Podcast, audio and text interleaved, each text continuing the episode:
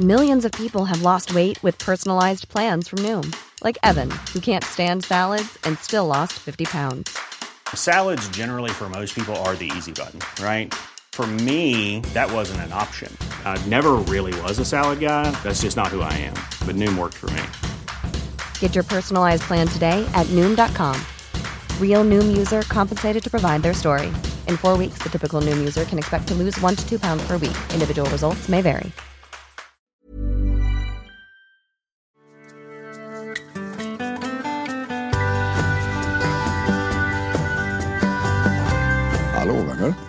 Och Björn Rudman här och det var dags för lite podd igen. Jag tycker att det är jättekul att ni är så många som lyssnar. Det är många nytillkomna och det är väldigt många gamla också för den delen. Och i den här podden så pratar vi om stress och utmattning, om stressrelaterad psykisk ohälsa kan man säga. Och även fysisk också för den delen. Det, det är ju inte antingen eller. Stress har ju eh, alltid konsekvenser både för oss på insidan i huvudet och, och i kroppen av olika anledningar. Och jag tänker vi, vi får lite, lite anledning att komma tillbaka till det där så småningom här fram, fram i tiden. Där vi ska gå in lite mer på vad just stress är för något ur lite bio, biokemiskt perspektiv. Sådär. Och är det så att man vill komma i kontakt med mig så finns jag lättast på www.bjornrudman.se. Och jag jobbar ju som, som terapeut på dagtid för just stressrelaterad ohälsa.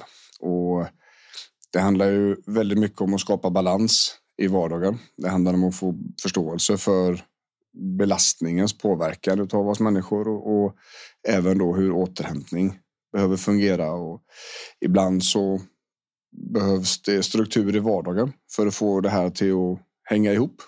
Det är en väg att gå liksom. Eh, ibland så är det så att det är reflexmässiga beteenden som, som, som driver oss över gränserna. Då, då pratar vi kanske med ett terapeutiskt perspektiv. Och när det gäller kroppen och, och, rörelse och hur vi fungerar som människor, då, då är det ytterligare ett perspektiv så att säga. Så att det är en helhet hela tiden när det gäller den här typen av problem. Det är inte, det är inte one size fits all och det är inte bara en, en väg liksom. Och idag så ska vi fortsätta på vår lilla serie här med eh, ett litet ämne eller ganska stort ämne och, och i relation till utmattning. Och då, idag har vi kommit fram till självkänsla. Den låga självkänslan framför allt. Och den påverkar ju oss väldigt mycket. Och den kan absolut vara en, en stor faktor i, i våran stress och våran upplevelse av vardagen och, och våran, ska vi säga, eh, våran trötthet. Att det, det, tar väldigt mycket tid och väldigt mycket energi av våra eh, huvuden att gå runt och känna sig sämre än, än andra. Och, och, och ha en, en, låg tro på sin egen kapacitet och hur man själv fungerar. Och en, en viktig sak att känna till om just självkänsla, det är att det är ingen färdighet, utan det är ett mätinstrument. Självkänslan ska alltså mäta hur man fungerar så att säga i sin omgivning på olika sätt. Och det är ett jättebrett, eh, ska vi säga, koncept. Ordet själv är enormt stort inom psykologin och självkänsla är ett paraplybegrepp. Under självkänsla så har vi uttryck som det många har hört talas om självförtroende. Alltså förtroendet, tron på sin egen kapacitet i en situation. Där finns också självhävdelse, det vill säga ens förmåga att stå upp för, för sig själv i, i liksom, till exempel i sociala situationer. Där finns självrespekt, Alltså respekten för sin egen person. Det finns självförsvar som inte är eh, slåss med knytnävar utan som är förmågan att, att eh, försvara sig själv när man är utsatt på något vis. Va? Och eh, jag tänker inte att vi ska gå så djupt på det där, men, men själva principen är att när man har känslan av att man inte inte fungerar och att man borde vara på ett annat sätt och man tror att andra förväntar sig att man ska vara på ett visst sätt eller det finns en, en problematik till exempel i, i sociala relationer där, där eh, det helt enkelt inte fungerar för att man, man utgår ifrån att man alltid är sämre än motparten och liknande. Så tar det väldigt mycket energi. Och det är någonting som ska vi säga, som stressar oss människor väldigt hårt i regel. Och eh, i grund och botten så kan man säga att oron kommer ifrån att man är orolig och rädd för att inte duga till i gruppen, i, liksom, eh, i sammanhanget. Eh, sådär, va? Och det är ju, som i psykologi i övrigt så är det ju inte antingen eller. Så det är inte bara det här. Det finns massor av olika saker som man skulle kunna fortsätta med. Men, men där menar jag att det där är en av huvudorsakerna. Att man har en uppfattning om att man borde vara på ett annat sätt. Man måste vara på ett annat sätt och jag duger inte i, i den här formen som jag är utan jag är lite sämre än alla andra. Den känslan tar väldigt hårt på oss människor och den, den konsumerar och den dränerar och den är också väldigt svår att bli av med. Så att när, när man läser då i kanske kvällstidningen och sånt. Och så gör så här så förbättrar du din självkänsla. Det de egentligen säger då är att gör så här så förbättrar du mätinstrumentet. Och i många fall så är det inte mätinstrumentet det är fel på. Utan i de flesta fallen så har man bara inte riktigt fått vara med om vad som är bra. När man växer upp faktiskt. Det är under uppväxten som självkänslan etableras. Det är där man bygger den.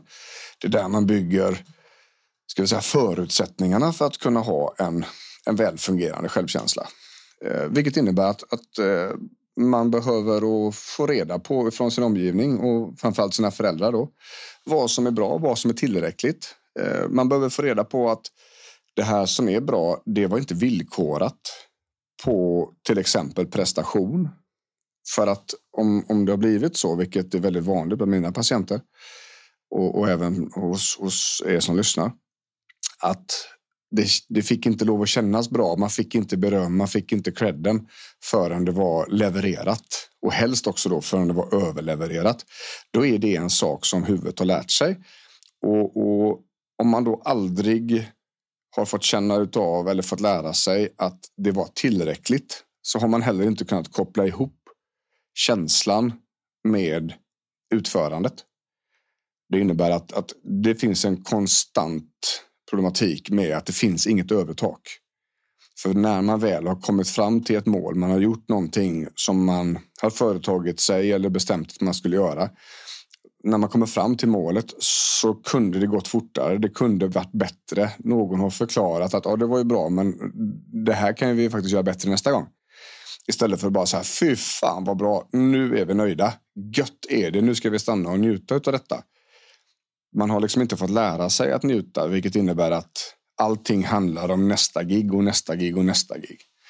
Och det här är ju en, en del i problematiken kring just prestation och prestationsångest och, och, och, och ehm, de här beteendemönstren som vi pratar om då här väldigt mycket på den perfektionismen och underkastelse som det kallas.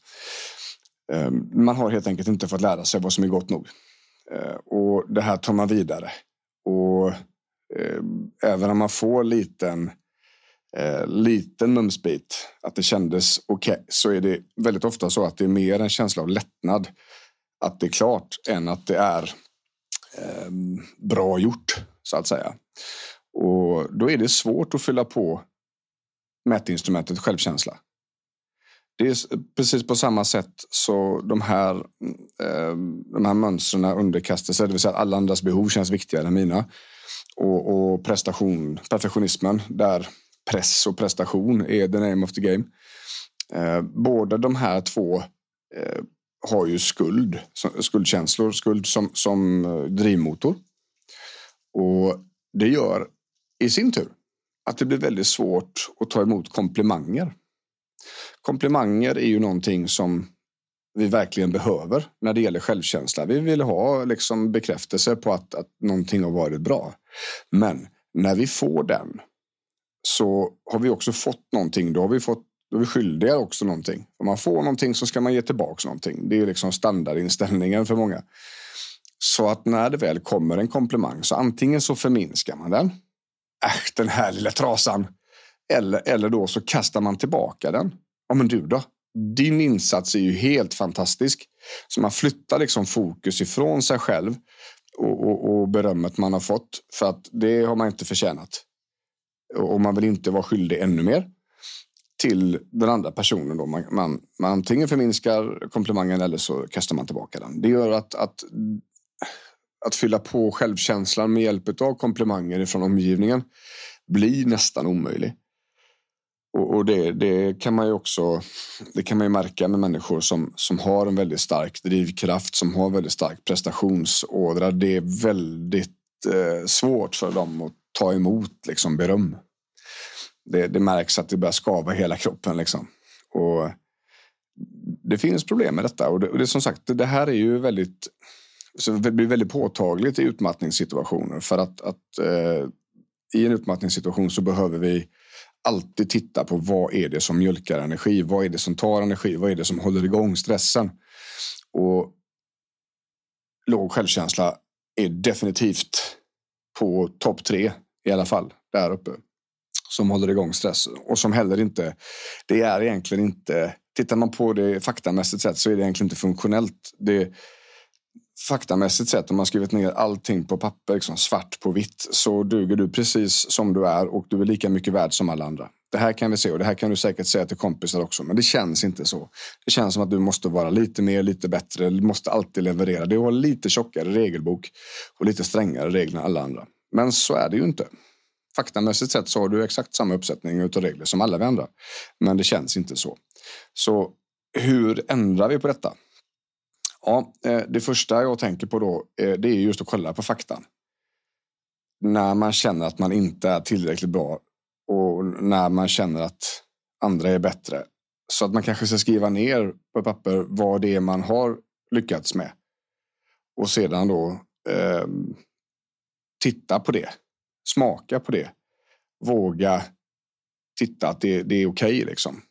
Um, det är det ena. Det andra tänker jag när det just gäller självkänsla och eh, ska vi säga eh, den här typen av problematik kring den egna personen så är det viktigt att komma ihåg att det går inte att jämföra sig med andra. Det här är, alla människor är helt egna unika situationer. Det går inte att jämföra mellan dem. Jag brukar, eh, ska vi säga, jag brukar ha en liknelse med när man forskar på kemi så behöver man inte vara vetenskapsman för, för att kanske hänga med där. Men eh, om, om det är olika förutsättningar i laboratorierna runt om i världen så kan man aldrig jämföra resultaten. Man kan bara jämföra resultaten om förutsättningarna är exakt likadana. Så att labbet i London är exakt samma förutsättning som labbet i Shanghai. Då kan forskare jobba tillsammans över hela världen. Men vi människor, vi jämför helt unika labbmiljöer med, med varandra. Det, det går inte. Det, det, är omöjligt. Det är en tankevurpa redan innan vi har börjat. Så att alla andra är liksom bättre. Alla andra klarar detta. Alla andra är bättre. Det, det stämmer liksom inte. Och man behöver våga smaka på den, eh, på den tanken, på det resonemanget. Ehm, det är också en viktig del. Och när det just gäller självkänsla så är det ju en typ av tanke som har hängt med väldigt länge. Och då är det vettigt att hjälpa huvudet och, och tänka på saker som faktiskt är bra som faktiskt har fungerat, som faktiskt är bra gjort. Och då kan det handla om att man får skriva ner det. Man får göra en inventering av grejer som man har gjort bra i livet. Och det kommer inte kännas okej okay från början. Man kommer inte märka att det händer något speciellt. Men, men det här är inget hundrameterslopp med självkänsla. Det är ett maraton. Och man måste ha tålamod och man måste hela tiden eh, jobba på att lyfta de bra sidorna. För att de negativa är, är mycket tyngre och de negativa har man haft mycket längre. Vilket innebär att det är svårt för hjärnan att flytta fokus där. Men man behöver göra vad man kan för det.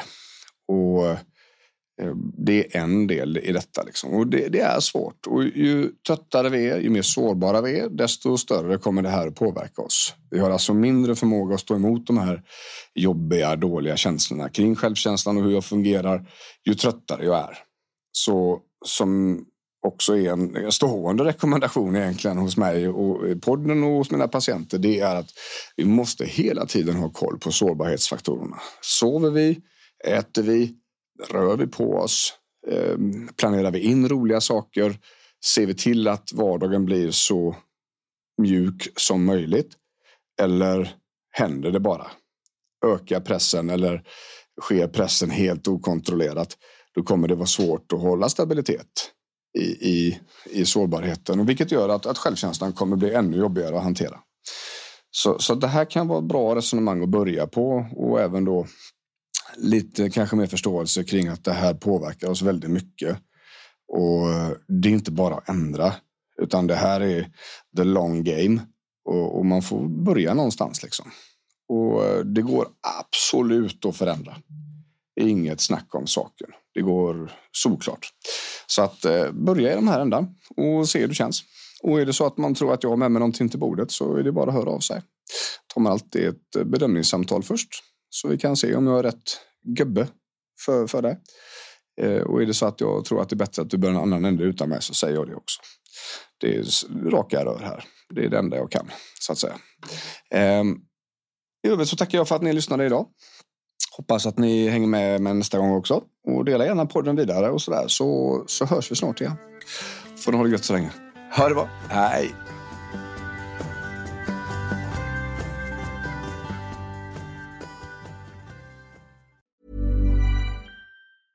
Mom deserves the best, and there's no better place to shop for Mother's Day than Whole Foods Market. They're your destination for unbeatable savings, from premium gifts to show-stopping flowers and irresistible desserts. Start by saving 33% with Prime on all body care and candles. Then get a 15-stem bunch of tulips for just $9.99 each with Prime. Round out Mom's menu with festive rosé, irresistible berry chantilly cake, and more special treats. Come celebrate Mother's Day at Whole Foods Market.